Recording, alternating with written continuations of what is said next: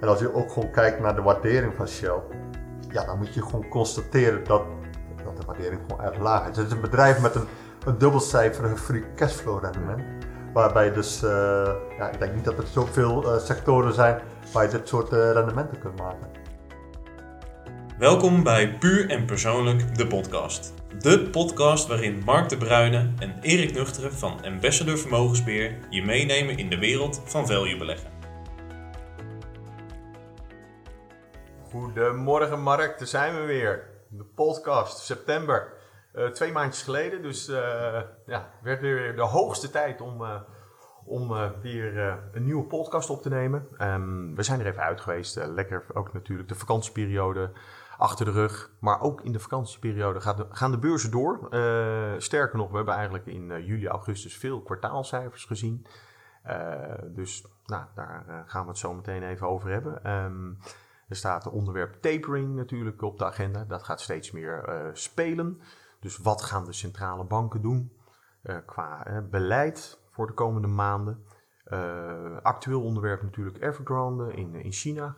Gaat het wel of niet escaleren? wat is de impact op de wereldeconomie, et cetera? We kijken naar Shell. Shell afgelopen week natuurlijk een ja, groot onderdeel verkocht in, in Texas. schaliegasvelden voor 9,5 miljard. Um, deze week UMG naar de beurs. Een positie die wij een hele tijd gespeeld hebben via Vivendi. En, uh, en we sluiten af met de tip voor de luisteraar. Um, Mark, cijfers. We begonnen niet heel lekker met het cijferseizoen. Ik denk dan even aan Atos, TomTom. Tom. Maar daarna eigenlijk uh, hebben we best wel een mooie reeks gehad. Ja, dat klopt. Ja, het is ook alweer een, een, eh, een tijdje geleden. Maar ja, inderdaad, de, de halfjaarcijfers, verwachtingen waren eigenlijk hoog gespannen. En als je naar uh, de cijfers en de breedte kijkt, moet je eigenlijk ook uh, constateren dat uh, ja, veel bedrijven ook die hoge verwachtingen hebben ingelost. met name de, ja, de banken, de verzekeraars hebben prima resultaten overlegd. Ook de oliemeesters kwamen met uitstekende cijfers. En ik denk ook de, de grondstofgerelateerde bedrijven hadden hele goede resultaten waren ook wat bedrijven die, uh, die, die, die wel tegenvielen. Dat zat met name in de, in de sfeer van uh, ja, de productiebedrijven. En die hadden eigenlijk ook gewoon veel last van het feit dat het toch gewoon moeilijk is om, uh, ja, om aan bepaalde onderdelen te komen. bepaalde grondstoffen die zijn duurder geworden. En natuurlijk ook de transport van goederen is lastiger geworden. Dat hangt ook grotendeels samen natuurlijk met de coronacrisis. met de, de vertraging in havens, als er ook weer eens een, een een coronageval uh, bekend wordt. Hè, waarbij dus bijvoorbeeld in China dan gelijk uh, een hele stad wordt stilgelegd. dus ja, vanuit die hoek was het, daarvan viel het wel tegen. Maar ja, als je dat al met al bekijkt, waren dat gewoon goede resultaten. En de verwachtingen zijn ook wel dat, dat de komende tijd zal doorzetten. En ja, dat uh, ja, bepaalde bedrijven natuurlijk wel wat uh, last zullen hebben om die, uh, die hogere kosten door te berekenen. Maar dat is denk ik ook ja, wat meer specifiek voor bepaalde sectoren. En als je dan kijkt hè, naar, want ik, de, de beloning echt op de cijfers vond ik tegenvallen. Met, je hebt best wel goede, goede cijfers gezien, maar reacties best wel lauw. Sowieso voor value aandelen, tweede kwartaal was niet bijzonder. Je zag in augustus wel weer herstel plaatsvinden. Ja. Um, Verwacht je dat derde kwartaalcijfers gewoon uh, keurig worden doorgetrokken met uh, wat we tot nu toe kunnen zien in het derde kwartaal? Ja, ik, ik, denk het uh, op, zich wel. En, en het, ja, het ligt er dus aan van, van er zijn natuurlijk bepaalde bedrijven die natuurlijk nog steeds last hebben van het feit dat ze moeilijk aan bepaalde onderdelen kunnen komen. Denk bijvoorbeeld aan de tekorten aan, aan chips. Hè, dat met name speelt in, in de autosector. Maar er zijn natuurlijk ook veel bedrijven die vanuit ja, bijvoorbeeld China of Azië gewoon hun goederen importeren. En dat is toch gewoon uh, lastig op dit moment. Hè. Denk ook aan uh, de hogere tarieven voor de, de scheepvaart. En ja, ook gewoon het feit dat gewoon het, uh, het langer duurt in bepaalde containers in Europa komen. Maar los daarvan verwacht ik wel dat ja, het economisch herstel zich gewoon zal doorzetten. Hè. De, de, de verwachting ook voor 2022 is ook ja, dat de economische groei, ja, de, de verwachtingen die zijn zelf opwaarts bijgesteld. Dus wat dat betreft. Waar praat je dan nu over? Qua uh, groeiverwachtingen? Ik dacht voor, uh, ja, voor de, de, de wereldeconomie dat het uh, zo'n beetje rond de, de, de 5% ligt. En dat was 4,5, 4,6% dat is opgetrokken naar 5%. En dat voor ja, de, de jaren daarna hebben ze in ieder geval de, de verwachtingen wel op hetzelfde niveau gehouden. Dus ja, je ziet dus gewoon dat we toch de coronacrisis aan het achterlaten zijn en dat we dus vooruit aan het, aan het kijken zijn. En dan meteen even het onderwerp tapering aanhalen. Ehm, ja, je ziet wat dat betreft ja, tenminste, dat gevoel is er. Het zijn is brandmeester. Alsjeblieft, ga terug de kazerne in en, uh, en stop met, met het opkoopprogramma. En gaan weer een gezond beleid voeren. Tenminste, dat is iets wat speelt bij ons in, in, in, de, zeg maar in de Kamer. Ehm, maar zo snel zal het niet gaan. Ehm, het is nog steeds discussie: is de, de, zeg maar de huidige inflatie is het tijdelijk of structureel? hoe zie jij dat? Nou ja, dat is natuurlijk vaak de, de discussie als het een tijdje goed gaat, om, om, dan de steun die de centrale banken aan de markten verlenen, om dat dan wat terug te schroeven. sinds zeg maar de, de kredietcrisis is dat eigenlijk vier keer al aan de orde geweest. Um, je ziet dan al wat nervositeit in de markt opduiken, omdat dan, het wordt dan natuurlijk nogal zwart-wit bekeken, maar in eerste instantie, als er sprake zou zijn van tapering, dan gaat de centrale banken minder obligaties opkopen dan wat ze op dit moment aan het doen zijn. Maar dat betekent dus dat ze nog steeds doorgaan met het opkoopprogramma. Dus dat de, de balansen van de centrale banken nog steeds groeien. Dus dat het ruime monetaire beleid nog steeds wordt voortgezet. Alleen een onsje minder. Ja.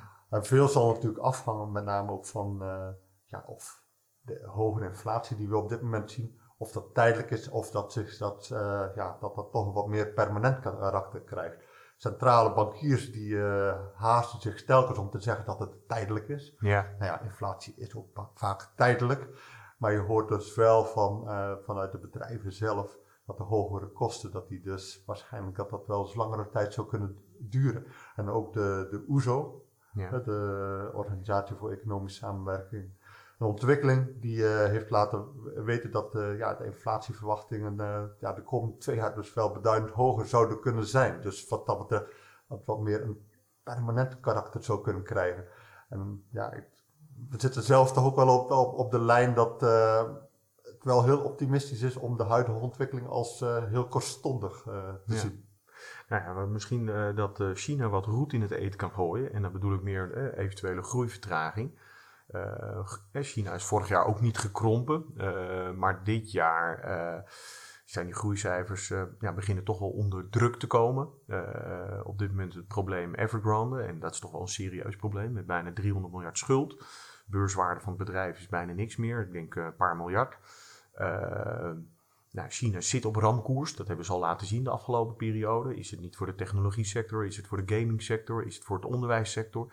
Dus wat verwacht je? Want als de groeicijfers in, in China eh, drastisch worden verlaagd en ook de komende periode ja, uh, niet heel snel zullen herstellen, dan zal dat ook een impact hebben op de, op de wereldeconomie.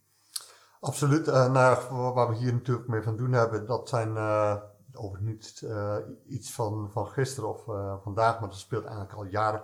Maar de Chinese vastgoed- en infrastructuursector is erg groot als je dat uh, uitdrukt als percentage van, uh, van bruto nationaal product. En waar je in Nederland praat over ongeveer 9%, dat je in China op 29%. Dus dat is gewoon, uh, ja, iedere Chinees of iedere vast, onderneming heeft wel een, een, een vastgoedproject. En ja, Evergrande, dat ehm, ja, heeft gewoon een probleem dat ze op dit moment een enorme schuldenlast hebben. Waarbij ze moeite hebben dus om de rente te betalen en ook om de, die schuld terug te betalen. Um, de vraag is natuurlijk van, is dit een, eh, een, eh, een, een lokaal probleem of wordt dat een uh, globaal probleem? Ja, zoals uh, zeg maar voorbeeld Lehman Brothers met alle... Ja, nou, nou, ik denk in eerste instantie dat Evergrande een, een heel lokaal probleem is. Evergrande moeten we eigenlijk ook een beetje sowieso zien als een, een soort Chinese DSB. Ja, de DSB is dan een bank, maar de, de Evergrande is dan een vastgoedontwikkelaar. Maar ze hebben niet alleen vastgoedprojecten, maar ze hebben ook een, een eigen voetbalclub. Ze hebben en, en eigen, ze hebben geïnvesteerd in internet, ze hebben uh, in, in allerlei zaken geïnvesteerd die... Niks van doen hebben met zeg maar de, de core business. Nee, ze, ze hebben, ook wel misschien ook het geld wat hun toevertrouwd is, ook wel misbruikt voor andere zaken. Maar los daarvan, er wordt natuurlijk wel heel, ja, de Chinese vastgoedsector is heel sterk gegroeid. En je ziet dus dat er ja, een, een, een, een, probleem is dat niet alleen Evergrande speelt, maar ook wel bij andere vastgoedontwikkelaars. En, ehm, Maar verwacht je dat het overslaat? Wat verwacht je van de overheid? Verwacht je een haircut? Dus oftewel, ik noem het Ja, 100% sowieso, dus- obligaties wordt afgestempeld tot 30%. Dus ik noem wat, zijn, eh, van de 300 miljard blijft er straks 100 miljard over aan schuld. Maar dat betekent dat 200 miljard gerealiseerd verlies. Verwacht je zoiets in de komende periode? Dat, eh, dat het, het zou heel logisch zijn. Nu is het wel zo dat in China niet een heel specifiek eh, juridisch-fiscaal regime is om dit soort zaken aan te pakken. Dus het is wat onduidelijk hoe ze dat precies gaan oplossen. In principe is het niet, zou het niet onlogisch zijn als de Chinese overheid hier de regie neemt en zorgt dat dat op een beetje op een ordelijke manier wordt eh, afgewikkeld. Maar ik denk wel dat eh, de financiers van Evergrande gewoon een, flinke eh, verliezen zullen moeten incasseren. Dus die praten over een schuldenlast van 300 miljard eh, dollar, Amerikaanse dollars omgerekend. Maar dat daar toch gewoon 200 miljard dollar zou worden afgestempeld, zou me niet verbazen. Ik denk wel dat de Chinese overheid eh, wil voorkomen dat de verliezen bij de particulieren komen. Dus mensen die aanbetaling hebben gedaan, ja, dat daar toch gewoon wel hun huis of hun appartement wordt Afgemaakt, ja precies. maar het probleem is ook met name in, in China dat er dus ook een, een machtsstrijd gaande is eigenlijk. Dus dat die Chinese overheid die wil die controle houden op die economie. En ook ehm, niet eh, willen dat hele grote bedrijven de regie in handen nemen. Dat gewoon bepaalde eh, CEO's, hè, denk aan bijvoorbeeld Jack Ma van Alibaba. Dat is een soort rockstar CEO geworden. Ja. Ik denk dat ze die man zijn machten in, eh, aan banden willen leggen. Ze willen ook ehm, voorkomen dat, ehm, dat nou ja, grote bedrijven, dat die dus eigenlijk eh, via de data eigenlijk gewoon alles kunnen aansturen. Dus de Chinese communistische partij wil de regie houden. Aan de andere kant hebben we natuurlijk toch een stukje kapitalisme gebruikt om eh, ja, een stukje welvaart te creëren bij de lokale Chinezen. En dat, hebben daar ook gewoon hun welvaart de afgelopen jaren zien groeien. Maar er is natuurlijk wel een, een, een vastgoedprobleem in de breedte ontstaan. En dat, dat zullen ze toch geleidelijk aan daar de lucht een beetje uit moeten laten lopen. Ja. Dus dat, dat zal vooral bij de, bij de banken zitten en ook bij de andere financiers. Ja. En wat je op dit moment En wat, wat is dan ongeveer de exposure wat in het buitenland staat? Heb je de, is Dat, daar... eh, dat eh, durf ik niet te zeggen, maar wat je wel hoort is dat het dus gewoon vooral bij de lokale eh, financiers en investeerders zit. Maar er zijn ook wel gewoon grote eh, westerse partijen die daar ook in obligaties van uh, Evergrande hebben geïnvesteerd. Maar dat zou geen fundamenteel probleem mogen zijn. Dus ik zie het vooral, het doet me een beetje denken aan de Japanse eh, vastgoedbubbel van eh, eind jaren 80, begin jaren 90. Om eens Ja, nou, dat vergelijking moet ik heel eerlijk zeggen, dat, daar zou ik niet heel vrolijk van worden. Want dat was wel het, het start zijn van een, eh, een zeer, zeer harde correctie op de Japanse markt. Want daar ging ongeveer 75% vanaf. Dus laten we in ieder geval hopen dat het een lokaal probleem is. en dat de westerse wereld er weinig last van heeft. Tot heden lijkt het ook zo, maar je zag bijvoorbeeld afgelopen week wel even een nervositeit. Hè, waar, zit de, eh, waar zit de exposure? Je zag meteen de banken, de financials, denk aan banken, verzekeraars, op dat soort momenten meteen hard onderuit gaan. Dus eh, ik hoop in ieder geval dat ze hè, dus, eh, zeg maar goed ingrijpen, duidelijk ingrijpen en Het ook lijkt in ieder perspectief geval bieden. vooral een lokaal, maar goed, Chinese economie is erg groot. Het lijkt een erg lokaal probleem te zijn, maar zou met name impact kunnen hebben op de Chinese groei. En dat zou dan weer kunnen overslaan op bijvoorbeeld eh, de vraag naar eh, grondstoffen Ja. of ook de luxegoederen. Hè. Denk aan bijvoorbeeld bedrijven als Louis Vuitton, maar ook de Duitse auto-industrie, die Ja. natuurlijk een behoorlijk exposure heeft aan eh, de Chinese economie. Ja. Nou. Ehm, nou, even eh, een bruggetje eh, naar, eh, naar onze, een van onze posities, Shell. Deze week in het nieuws. Laatste tijd sowieso opvallend in het nieuws. Shell verkoopt deze week schaliegasvelden in Texas aan ConocoPhillips voor 9,5 miljard in cash. Zijn natuurlijk deze week dus meteen een stuk groener geworden. Ja. De planeet is niet groener geworden, maar Shell wel. Eh, we hebben natuurlijk gezien dat een van onze pensioenfondsen uit Shell is gestapt. Eh, ja, hoe, hoe zie je die eh, ontwikkeling? Ehm, laten we beginnen even met het, met het laatste nieuws. Ehm, verkoop. Wat gaan we met de opbrengsten doen? En- Nou ja, dat is natuurlijk een, een, prima nieuws. Nu is het op zich, Shell had in eerste instantie natuurlijk aangegeven dat de, de schalievelden wel tot de kernactiviteiten behoren. Die hebben nu in, ook in het kader natuurlijk van de eh, uitspraak van de Nederlandse rechter dat eh, Shell gewoon eh, de CO2-reductie eh, per 2030 met dacht 40, 45% moest terugbrengen. Dus in dat kader hebben we nog een keer goed de portefeuille doorgelicht. En ze hebben besloten om die schalievelden met een hoge CO2-voetafdruk, om die te verkopen. Nou, dat hebben ze dan... Hebben ze dat tegen een redelijke prijs gedaan? Ja, daar is een beetje discussie over. Ik denk, ik denk dat ze een, een een, mooie prijs hebben gekregen. Uh, ook gegeven uh, ja, de, de, de, de hoge CO2-uitstoot die, daar, uh, die, die, velden met zich meebrengen. Het is ook natuurlijk altijd de vraag of, of je in 2030, hoe dan de, de wereld ervoor staat. ze hebben dat aan de buren verkocht, aan Conoco Philips, wat daar vlakbij lag. Ik denk dat ze een goede prijs hebben gekregen. En ik ben ook blij dat ze ehm, daarbij de aandeelhouder niet vergeten, want ze gaan van de 9,5 miljard dollar die ze gaan krijgen. Dat zal waarschijnlijk eind dit jaar nog uh, ontvangen worden. Gaan ze 7 miljard eh, dollar aan de aandeelhouder teruggeven. Ze hebben nog niet aangegeven hoe ze dat zullen doen. Dat zal waarschijnlijk in de vorm van de inkoop eigen aandelen zijn. En dat ze andere 2,5 miljard dollar gaan gebruiken voor versterking van de balans. Dus, dus na versterking aflossen, dus uh, gewoon de schuld aflossen. Schuld aflossen of in ieder geval gewoon even kijken. Nou, in ieder geval uh, ja, voor, voor het bedrijf zelf. Dus ik denk dat het gewoon een hele goede zet is geweest. Het maakt Shell het zorgt ervoor dat ze in ieder geval hun doelstelling van CO2-reductie ter hand nemen. Ze, ze, belonen de aandeelhouders.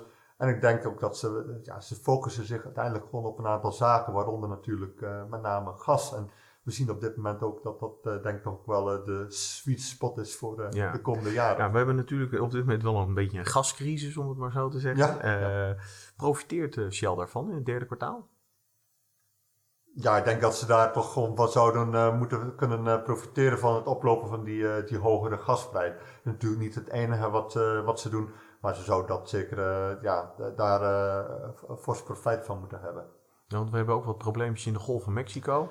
Uh, Volgens mij is zelfs een platform voor tot het eind van het jaar stilgelegd. dus dat, uh, ik, ik weet niet wat de impact daarvan is. Maar nou zou dat uh, elkaar een beetje in balans houden? Tweede kwartaalcijfers waren heel goed. Ja, nou, maar daar werden we eigenlijk niet voor beloond. tenminste Shell niet.